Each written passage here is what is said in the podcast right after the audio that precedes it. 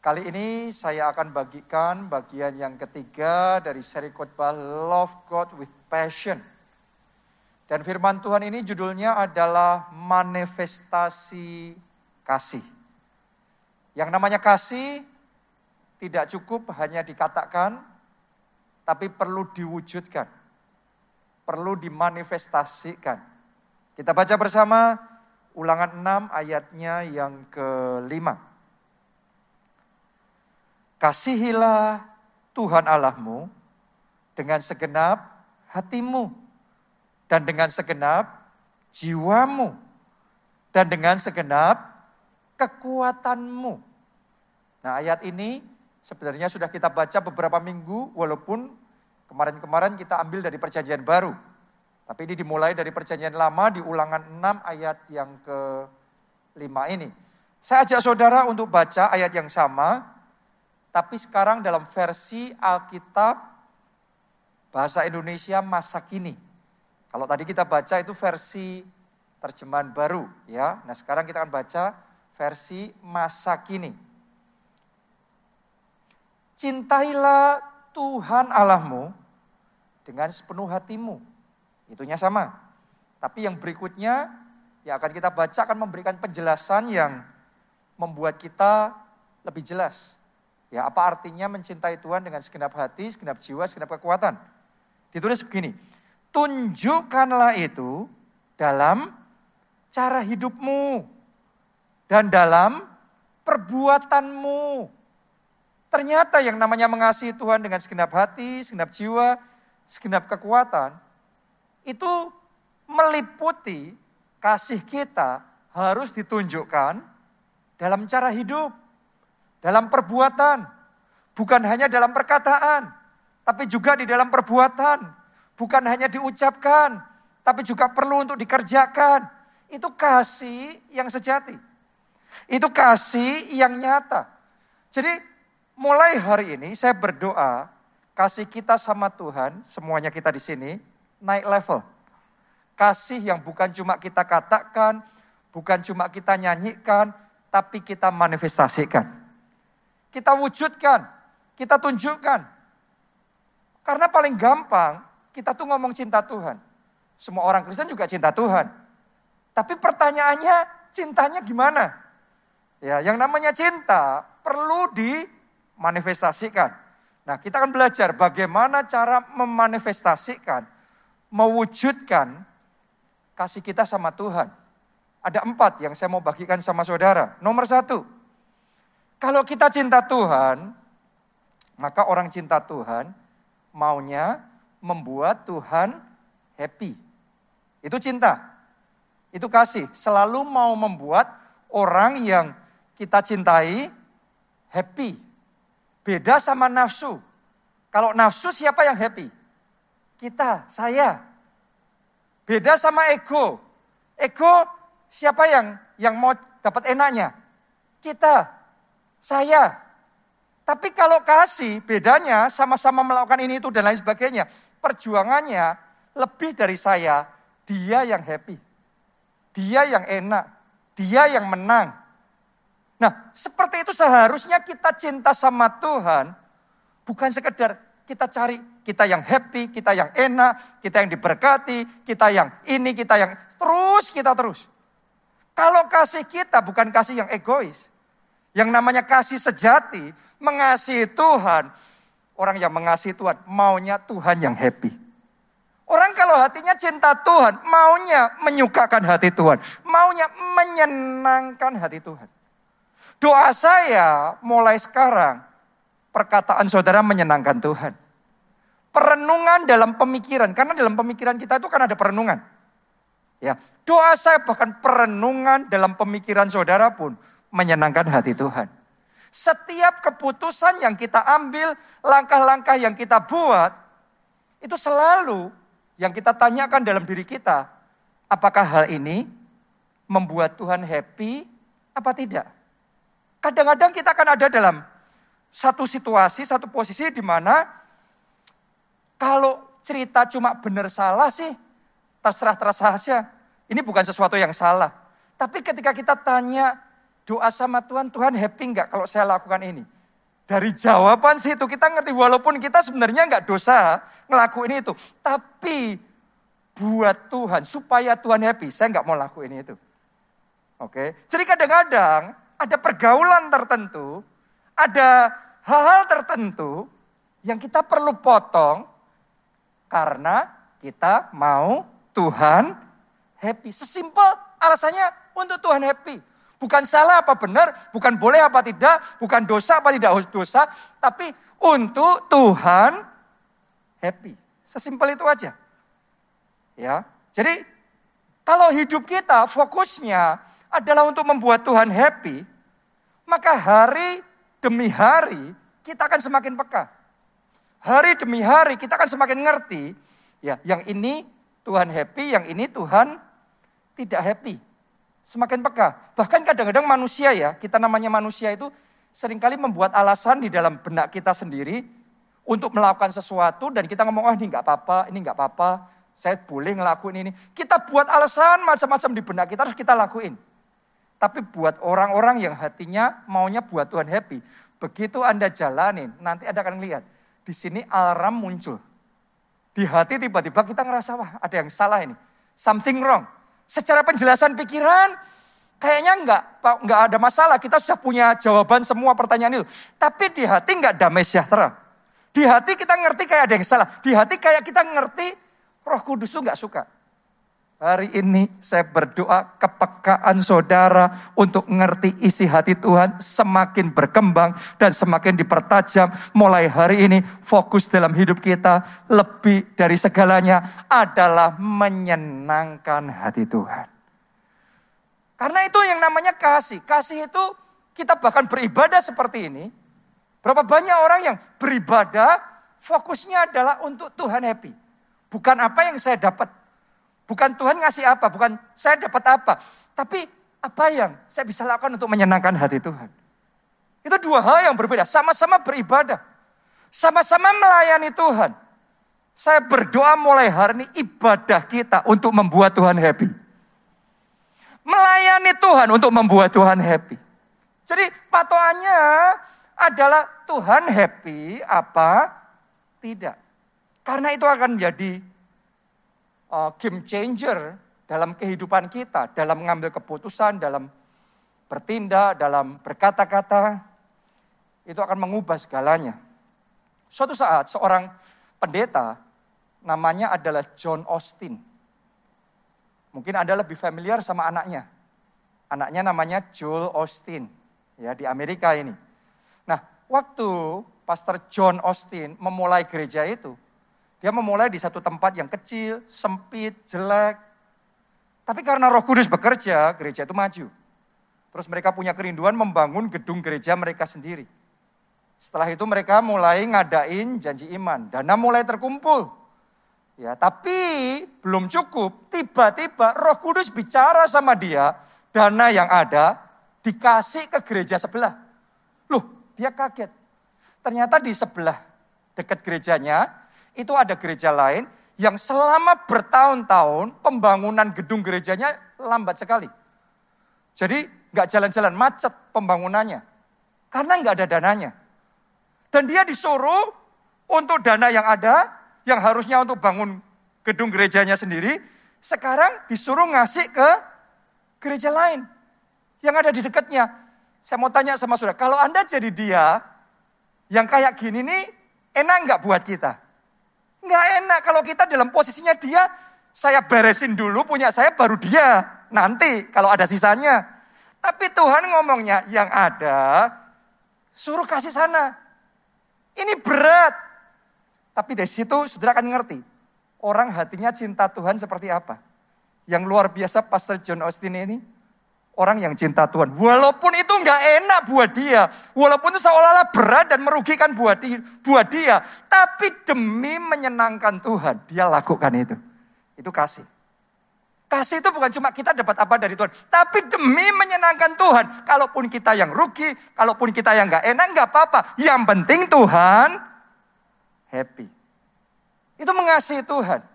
Dan dia kasih. Setelah dia kasih, waduh gereja itu senang sekali Dan pembangunan mereka langsung jalan lagi. Setelah berapa waktu cepat selesai. Luar biasa. Dan yang luar biasa, bukan hanya gedung gereja yang lain itu selesai. Tuhan buat terobosan yang besar di gereja Pastor John Austin ini. Tiba-tiba Tuhan buat mujizat keuangan luar biasa. Dan dengan cara yang ajaib, pembangunan gedung gerejanya juga tetap jalan, jalannya cepat, selesai. Setelah gedung gereja itu selesai, gedung berikutnya selesai, gedung berikutnya lagi selesai, gedung berikutnya lagi selesai. Non-stop Tuhan bekerja. Kalau saudara tahu rahasia menyenangkan hati Tuhan, begitu hati Tuhan terbuka, tingkap langit ikut terbuka dan anugerah kasih karunia akan tercurah secara berkelimpah. Kadang-kadang orang itu hanya sesempit kita mikir saya yang dapat, saya yang happy. Orang kalau mikir seperti itu terus, mau hubungan sama manusia, mau hubungan sama Tuhan, susah mekar hubungannya. Kenapa? Karena kita egois. Mikirnya saya dapat apa terus. Tapi kalau orang ngerti gimana nyenengin hati orang lain. Gimana terlebih lagi menyenangkan hati Tuhan. Kalau hati Tuhan sudah senang, hati Tuhan sudah disukakan, apa-apa gampang. Tapi untuk menyenangkan hati Tuhan, kadang-kadang kita harus salibkan kedagingan kita. Kadang-kadang kita harus potong dosa. Kadang-kadang kita harus potong pergaulan tertentu. Kadang-kadang ada tabiat-tabiat tertentu yang kita pikir nggak masalah kok, yang lain juga gini. Tapi demi menyenangkan hati Tuhan kita potong itu. Tapi begitu Tuhan disukakan dalam hidup saudara, Anda akan melihat jalanmu diluruskan sama Tuhan. Anda akan melihat penghalang-penghalang di depanmu akan diratakan sama Tuhan. Dan satu breakthrough saja, Tuhan kasih saudara, lompatan besar akan terjadi dalam hidupmu. Saya berdoa dalam nama Yesus mulai hari ini lompatan besar, mujizat besar, kemenangan besar jadi dalam hidup saudara. Katakan amin. Kita kasih tepuk tangannya yang paling meriah buat Tuhan. Haleluya. Jadi mulai hari ini naik level, jangan ngomong cinta Tuhan saja. Mulai hari ini belajar menyenangkan hati Tuhan. Bukan kita yang happy, tapi yang pertama Tuhan yang happy. Karena kalau Tuhan happy, dia akan yang pastikan Anda happy juga. Oke, prinsipnya sederhana itu. Jadi yang kita care, yang utama pokok Tuhan happy, Tuhan happy. Dalam hubungan, dalam pernikahan kan juga sama. Kalau saudara buat pasangan saudara happy, nanti dia akan buat saudara happy juga. Masalahnya yang jadi masalah dalam pernikahan, dalam keluarga, hubungan suami istri, orang tua anak. Kita itu nyarinya kita terus yang happy. Kita terus yang menang. Dia juga nyarinya kayak gitu. Akhirnya pecah semuanya. Mulai hari ini sadari ada bedanya antara egois. Kasih egois sama kasih sejati. Kasih sejati yang happy orang lain. Kasih sejati yang happy Tuhan. Mulai sekarang yang happy Tuhan jadi alasan nomor satu dalam hidup kita. Amin. Itu yang pertama. Yang kedua sekarang. Apa artinya uh, mengasihi Tuhan? Bagaimana kita memanifestasikan kasih kita sama Tuhan? Yang kedua, mencintai yang Tuhan cintai. Oke.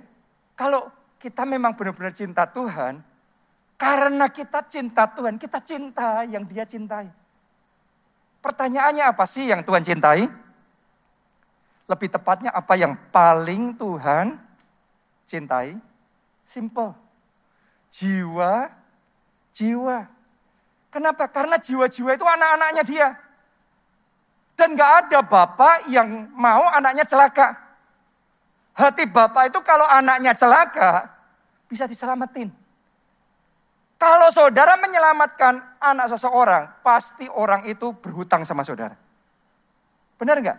Hati Bapak di surga adalah mencari dan menyelamatkan jiwa-jiwa yang terhilang. Kalau saudara cinta Tuhan, Anda ngerti Tuhan yang kita cinta, cintanya jiwa-jiwa, maka kita juga cinta jiwa-jiwa. Cinta jadi berkat buat mereka, cinta melayani mereka, cinta berdoa, berjuang buat mereka. Cinta bagaimana caranya berusaha untuk menjangkau dan menyelamatkan mereka. Kita baca Yohanes 21 ayatnya yang ke-15. Sesudah sarapan, Yesus berkata kepada Simon Petrus, Simon, anak Yohanes, apakah engkau mengasihi aku lebih daripada mereka ini? Saya yakin pertanyaan yang sama juga diajukan kepada kita semua. Apakah engkau mengasihi aku? Kata Tuhan, do you love me? Itu yang Tuhan tanyakan sama Petrus. Peter, do you love me? Petrus, apakah engkau mengasihi aku? Lanjutkan. Jawab Petrus kepadanya, benar Tuhan, engkau tahu bahwa aku mengasihi engkau. Kalau saat ini saudara ditanya sama Tuhan Yesus secara langsung, seperti waktu itu Petrus ditanya Tuhan Yesus langsung, Do you love me? Apakah engkau mengasihi aku? Siapa di sini yang ngomong, ya Tuhan, aku cinta Tuhan? Angkat tangan saudara.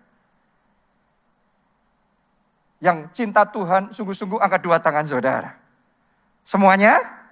Lanjutkan ya. Tuhan Yesus ngomong gini sama Petrus. Dan juga sama kita. Orang-orang yang ngomong sama Tuhan bahwa kita cinta Tuhan. Tuhan ngomong begini. Kata Yesus kepadanya, gembalakanlah domba-dombaku. Dan percakapan ini, pertanyaan ini terulang tiga kali. Petrus, apakah engkau mengasihi aku? Tiga kali Petrus menjawab, Ya Tuhan aku mengasihi engkau. Dan tiga kali Yesus ngomong gembalakanlah domba-dombaku. Jadi buat Tuhan Yesus, Tuhan Yesus tuh mau ngomong sama Petrus, Petrus ketika engkau menggembalakan domba-dombaku, kasihmu nyampe ke aku. Bukan cuma kamu ngomong mengasihi aku, tapi gembalakanlah domba-dombaku. Jadi hari ini saya ingin ajak saudara untuk menyadari ketika saudara menggembalakan domba-dombanya. Siapa domba-dombanya? Sebenarnya itu bicara juga tentang jiwa jiwa yang terhilang. Ketika saudara mau melayani jiwa-jiwa, Anda menguatkan yang lemah, Anda berdoa buat yang sakit, anda menghibur yang susah, Anda jadi berkat buat orang-orang di sekeliling saudara. Anda menjangkau dan menyelamatkan mereka, membawa mereka kepada Yesus, mengenal Yesus sebagai Tuhan dan Juru Selamat. Ketika engkau melakukan itu, buat Yesus itu kasih nyampe ke aku. Kalau engkau mengasihi aku, itu yang kamu lakukan. Gembalakanlah domba-dombaku. Hari ini saya tantang saudara naik level. Jangan cuma ngomong mengasihi Tuhan tapi doing nothing. Yesus ngomong, engkau yang mengasihi aku, gembalakanlah domba-dombaku. Dimulai dari keluarga kita. Orang-orang terdekat kita, teman-teman kita. Orang-orang yang connect sama sosial media kita. Saya ajak saudara jadi berkat buat mereka. Saya ajak saudara mulai bersaksi buat mereka. Saya ajak saudara perjuangkan gimana caranya jadi berkat buat jiwa jiwa. Di zaman seperti kita sekarang ini belajar pakai handphone saudara untuk mengembalakan domba-domba Tuhan, untuk jadi berkat buat jiwa-jiwa. Bukankah handphone itu berkat Tuhan? Ya, pakai handphone saudara untuk melayani Tuhan. Dulu handphone kita pakai hanya untuk telepon, benar apa tidak? Setelah beberapa waktu maju lagi, mulai bisa SMS. Setelah itu mulai ada chatting. Jadi handphone ini semakin luas. Ya, jadi smartphone, terus kita bisa pakai handphone untuk alarm kita. Ya, kita bisa pakai handphone untuk buku harian kita, untuk checklist kita. Kita bisa pakai handphone untuk pesan taksi, untuk pesan makanan, sekarang untuk belanja berbagai macam kebutuhan sehari-hari. Semakin luas. Kenapa enggak kita belajar pakai handphone untuk bersaksi? Pakai handphone untuk melayani. Caranya gimana? Sederhana. Kalau Anda diberkati dengan khotbah-khotbah di gereja kita, Pak Obaja, Bunita, khotbah saya, Anda bisa sharekan itu kepada teman saudara, keluarga saudara, untuk menguatkan mereka, jadi berkat buat mereka. Konten-konten di JSM Anda bisa sharekan. Ketika Anda lakukan itu, secara konsisten, saudara sedang melayani jiwa-jiwa. Saudara sedang membangun, mendoakan, memperjuangkan mereka. Itu yang Yesus lakukan. Kalau engkau mengasihi aku, gembalakanlah domba-dombaku. Jadi jangan hanya pakai handphone untuk kita sendiri. Pakai handphone kita untuk cinta Tuhan.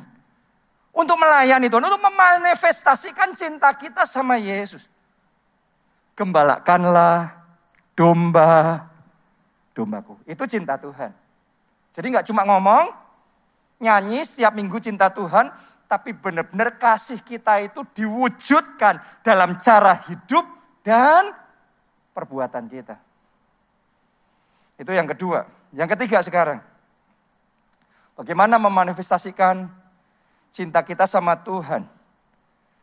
Ya, yang ketiga, cinta rumah Tuhan. Cinta ibadah di rumah Tuhan. Mazmur 122 ayat yang pertama, nyanyian ziarah Daud. Aku bersuka cita ketika dikatakan orang kepadaku, mari kita pergi ke rumah Tuhan. Orang kalau cinta sama Tuhan pasti suka ke rumahnya. Pasti betah di rumahnya, di gerejanya. Sama seperti kalau orang yang baru pacaran. Saya tanya sama saudara, orang kalau baru pacaran jatuh cinta, happy nggak pergi ke rumah pacarnya? Kalau ada yang ngeklaim cinta sama pacarnya, tapi nggak pernah mau pergi ke rumah pacarnya, Anda percaya apa tidak? Ya, saudaraku kalau kita cinta Tuhan itu itu yang dirasain Daud. Buat Daud dia ngomong, aku bersuka cita ketika dikatakan orang, mari kita pergi ke rumah Tuhan. Itu sukacitanya, beribadah itu sukacita. Saya percaya mulai hari ini ibadah di rumah Tuhan, di gereja adalah sukacita dalam hati saudara. Bukan beban, bukan paksaan, tapi meluap dari hati, kerinduan. Mungkin ada orang yang berkata, ah kalau buat saya sih ibadah cukup online saja. Jawaban saya sama saudara tidak perlu diperdebatkan online atau onsite. Karena dua-duanya saling melengkapi. Sama seperti orang yang pacaran tadi. Ya, Orang yang pacaran maunya pacarannya ya online ya onsite. Benar apa tidak? Kalau orang memang benar-benar cinta, kepengen gak ketemu langsung. Yang normal, orang kalau pacaran maunya ketemu langsung. Onsite, ketemu di rumahnya. Tapi kalau nggak bisa ketemu pun, online jalan terus. Benar apa tidak? Itu normalnya. Gak normal kalau ada orang pacaran ngomong jatuh cinta tetapi ketika bisa ke rumahnya selalu gak mau. Sama halnya dengan orang yang menikah. Saya mau tanya sama saudara, orang menikah bisa nggak menikah online saja, berkeluarga online saja? Yang namanya berkeluarga ya online ya onsite. Saya sama istri saya berkeluarga menikah, kita tinggal bersama. Secara langsung. Kalaupun saya pisah sama istri saya, kita teleponan, kita WhatsApp. Benar apa tidak? Jadi online tidak pernah menggantikan onsite. Tapi online memperlengkapi onsite. Ibadah sama Tuhan juga sama. Kalau tiba waktunya hari Minggu kita beribadah di rumah Tuhan. Mari kita katakan, aku bersuka cita. Ketika dikatakan orang, mari kita pergi ke rumah Tuhan. Boleh katakan amin, amin. Bahkan sepanjang minggu di luar hari Minggu ketika kita nggak di gereja pun, nggak beribadah pun Anda bisa terus connect, ya ngikuti berbagai macam konten dari gereja kita, konten-konten yang membangun iman kita, memperdalam kehidupan roh kita, sehingga hari demi hari kita terus maju bertumbuh. Ada renungan harian, ada saat teduh, ada ayat-ayat profetik, ada inspirasi, ada leadership, itu konten-konten banyak sekali. Konten-konten gereja kita, terus juga di JSM, Saudara bisa pakai untuk membangun kehidupan rohani saudara. Jadi ini bukan, nggak perlu diperdebatkan online atau onsite, bukan atau, tapi dan. Yang mengerti katakan amin saudaraku. Ini jalan barengan seperti orang pacaran, seperti orang berkeluarga. Kita sama Tuhan juga sama seperti itu. Karena mengasihi Tuhannya bukan cuma mengasihi online atau mengasihi onsite. Mengasihi Tuhannya, kita ngomong Kasihlah Tuhan Allahmu dengan segenap hatimu, dengan segenap jiwamu, dengan segenap kekuatanmu. Yang setuju, yang mengerti katakan amin, amin. Tepuk tangannya yang paling meriah buat Tuhan kita. Jadi kalau kita mengasihi Tuhan dengan sungguh-sungguh, saat tiba waktu kita beribadah, ayo firman Tuhan ngomong kuduskanlah hari sabat. Hari sabat itu adalah waktu ibadah. Kuduskanlah waktu ibadah. Khususkanlah waktu ibadah. Jangan disambil-sambil. Kita baca ya. Yeremia 17 ayat 24 sampai 25. apabila kamu sungguh-sungguh mendengarkan aku. Demikianlah firman Tuhan, dan tidak membawa masuk barang-barang melalui pintu-pintu gerbang kota ini pada hari sabat. Pada momen ibadah. Tetapi menguduskan hari sabat dan tidak melakukan sesuatu pekerjaan pada hari itu. Salah satu arti menguduskan itu mengkhususkan. Enggak untuk yang lain, tapi dikhususkan untuk sesuatu. Dikhususkan untuk Tuhan. Itu yang namanya menguduskan sabat untuk Tuhan. Jadi mengkhususkan itu untuk Tuhan saja. Nah ini kita perlu tekankan khususnya di zaman seperti sekarang ini. Banyak orang sekarang ini, orang Kristen di zaman sekarang ini, beribadahnya bukan mengkhususkan untuk Tuhan, tapi ibadahnya adalah aktivitas sampingan. Sambil traveling, sambil ibadah. Sekarang gampang kok cuma tinggal klik YouTube, live streaming kita ibadah. Sambil nyuci piring, sambil ibadah. Sambil gantiin popo anak sambil ibadah. Sambil kerja sambil ibadah. Tolong dengarkan baik-baik. Anda boleh play itu YouTube, live streaming, dengerin ibadah tetap jalan, tidak berarti kita beribadah. Karena yang namanya beribadah, itu dikhususkan untuk Tuhan. Bukan sampingan, bukan sambilan. Mulai hari ini saya berdoa, ibadah saudara bukan ibadah sampingan ibadah saudara adalah kudus bagi Tuhan. Momen sabat bagi Tuhan. Momen kita menghormati Tuhan. Lebih dari segalanya. Ini waktu khusus untuk Tuhan. Haleluya. Ini menguduskan hari sabat. Mari kita lihat. Perintah itu menguduskan hari sabat disertai dengan satu anugerah, satu janji. Ayat 25.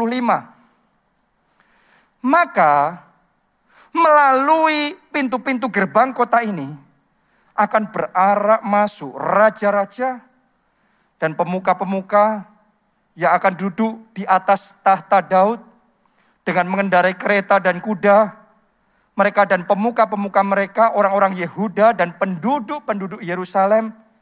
Dan tolong perhatikan, kota ini akan didiami orang untuk selama-lamanya. Tahu nggak saudara artinya apa? zaman dulu, kalau kerajaan kalah perang, kotanya dibakar. Benar apa tidak? Itu akan jadi reruntuhan. Terus kemudian jadi sepi. Karena banyak yang dibunuh, banyak yang diangkut jadi tawanan. Tapi Tuhan ngomong begini, kalau kamu menguduskan hari sabat, maka kota-kotamu akan didiami terus-menerus, tidak akan menjadi sunyi.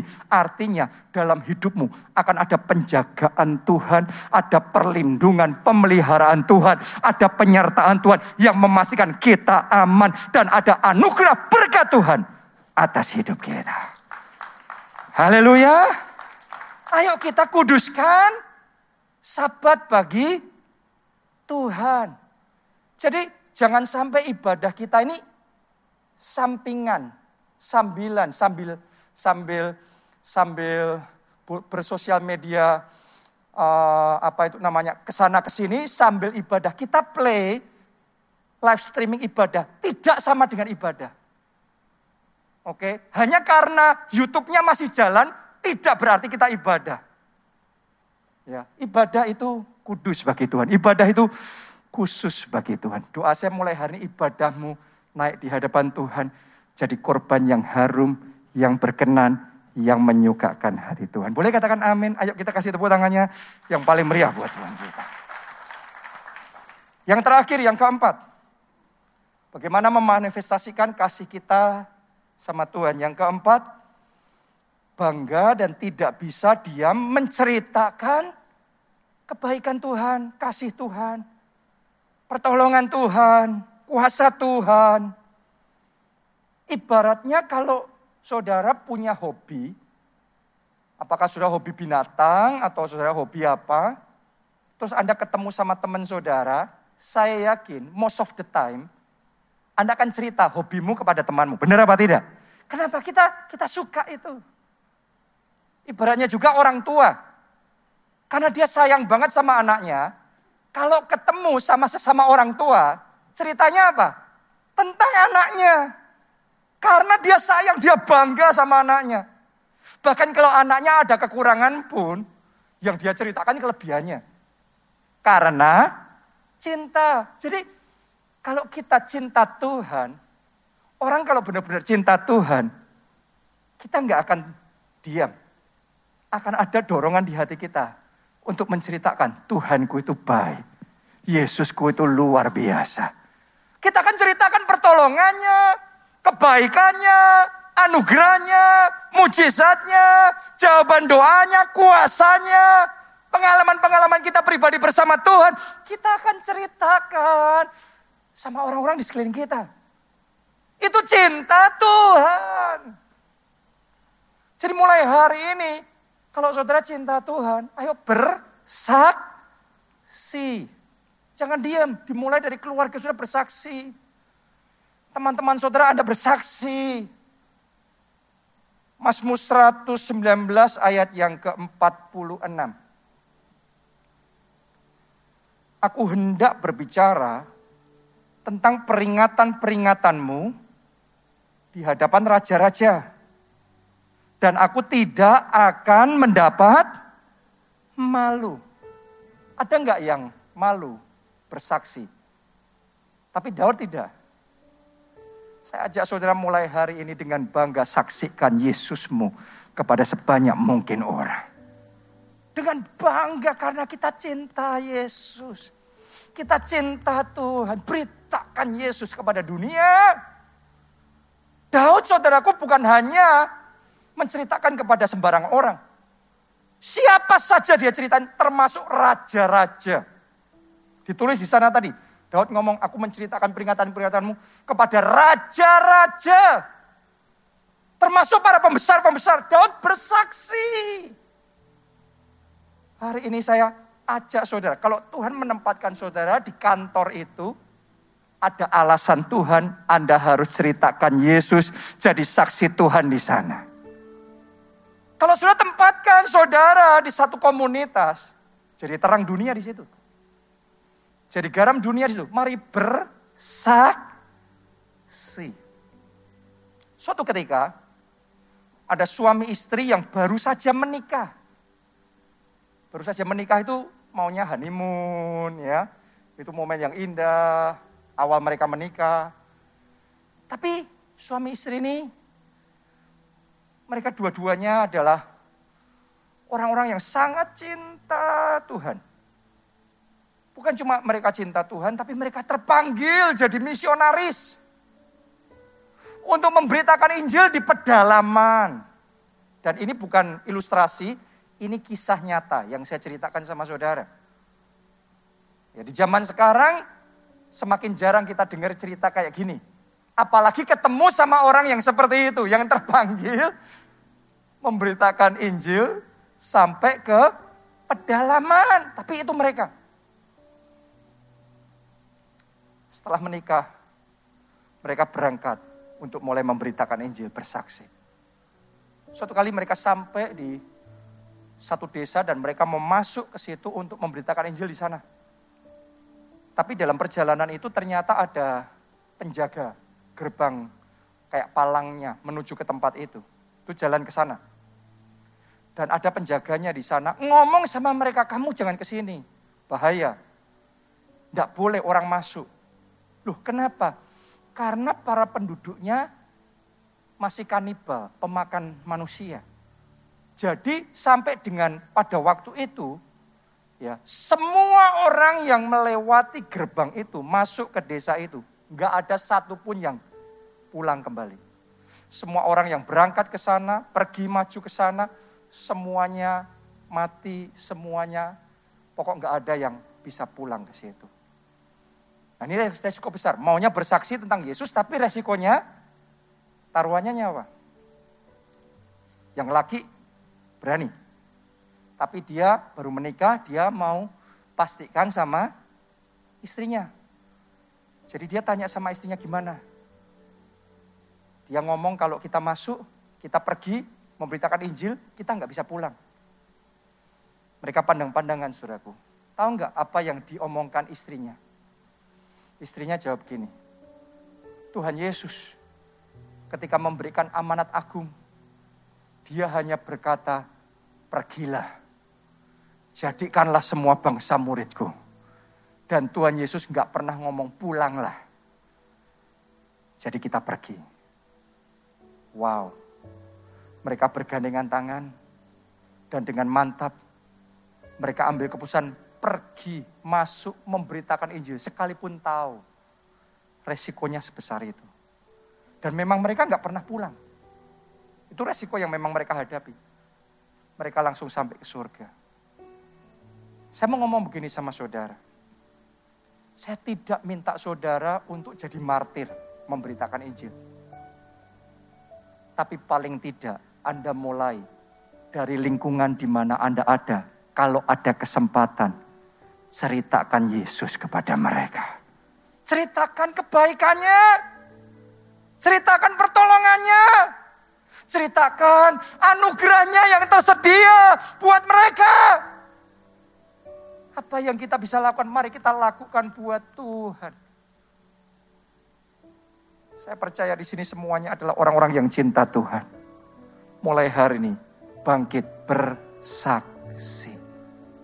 Mungkin buat saudara ketika saya ketika Anda dengar saya cerita tentang suami istri ini, di benak saudara berpikir, kok ada ya Orang yang sampai cinta Tuhannya seperti itu.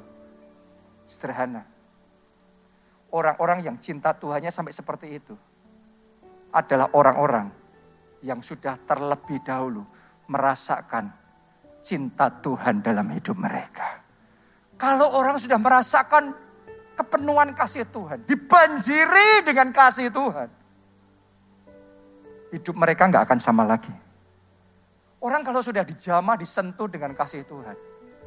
Itu yang kayak suami istri ini nggak ada yang memberi perintah, memaksa kamu jadi martir ya, nggak ada. Tapi mereka gladly, dengan sukacita, mereka lakukan untuk Yesus. Karena mereka merasakan kasih Allah terlebih dahulu. Alkitab ngomong bukan kamu yang mengasihi aku terlebih dahulu, tapi aku yang mengasihi, katakan Yesus. Saya berdoa mulai hari ini Anda semua dibanjiri dengan kasihnya. Anda semua mengalami zaman dan sentuhan kasihnya yang ajaib dan yang manis itu dalam hidup saudara. Dan mulai hari ini mari bangkit jadi saksi Kristus. Mari kita bangkit berdiri. Kasihmu ajaib bagiku.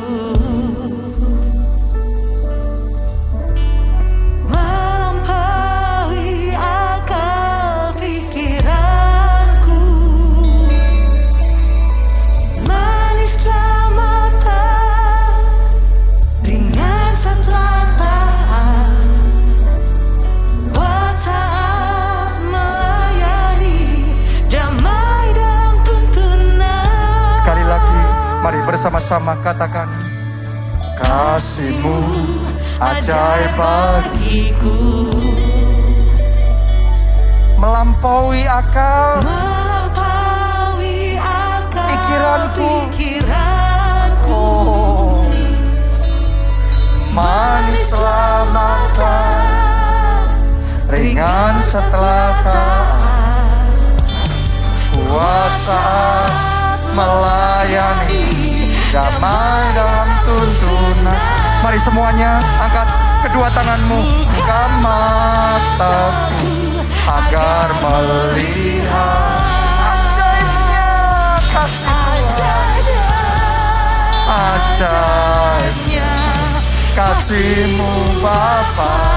Jamah hatiku agar mengejar manisnya.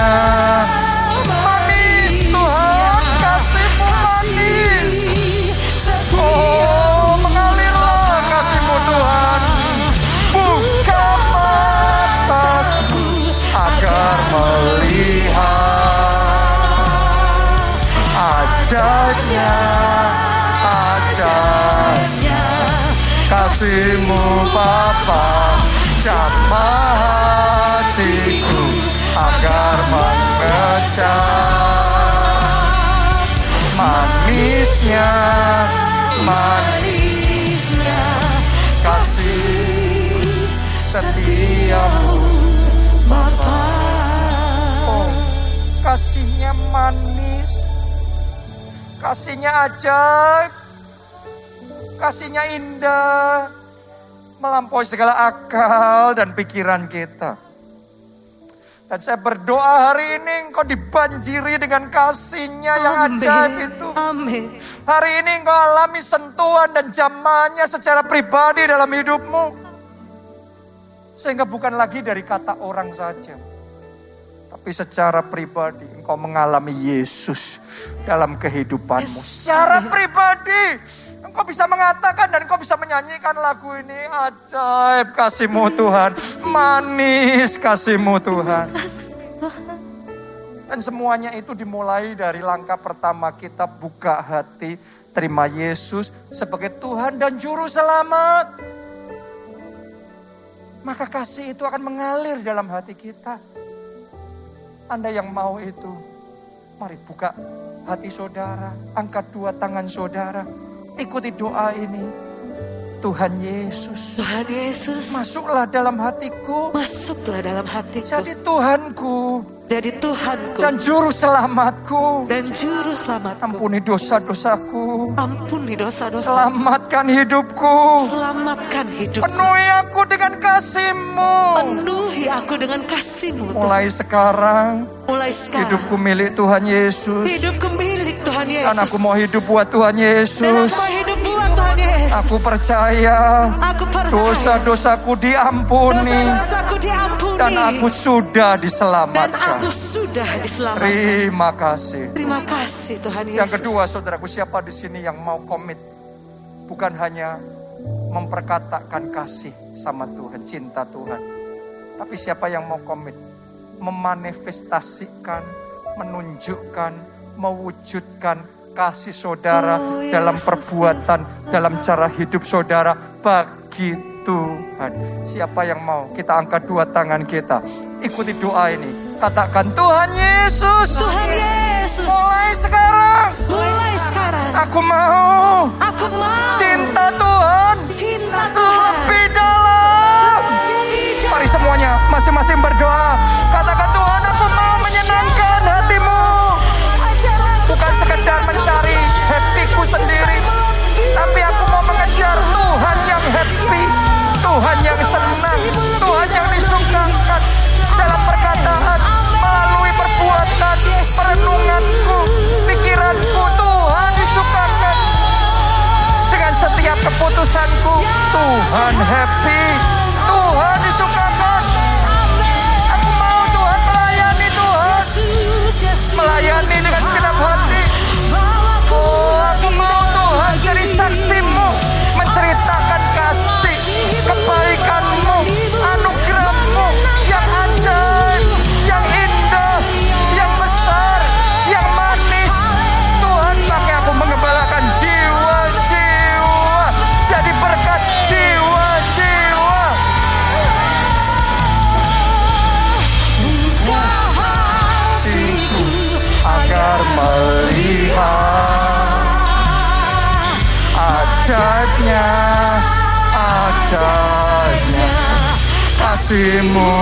Bapa jamah hatiku agar mengecap.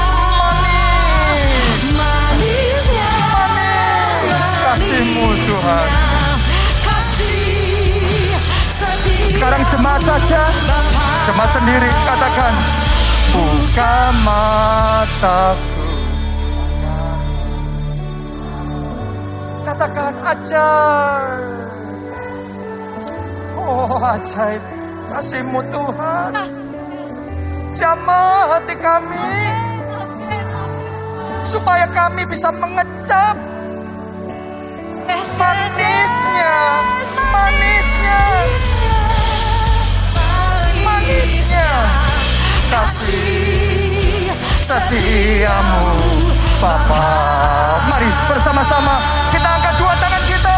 Katakan, buka mataku agar melihat ajaibnya ajaibnya kasihmu.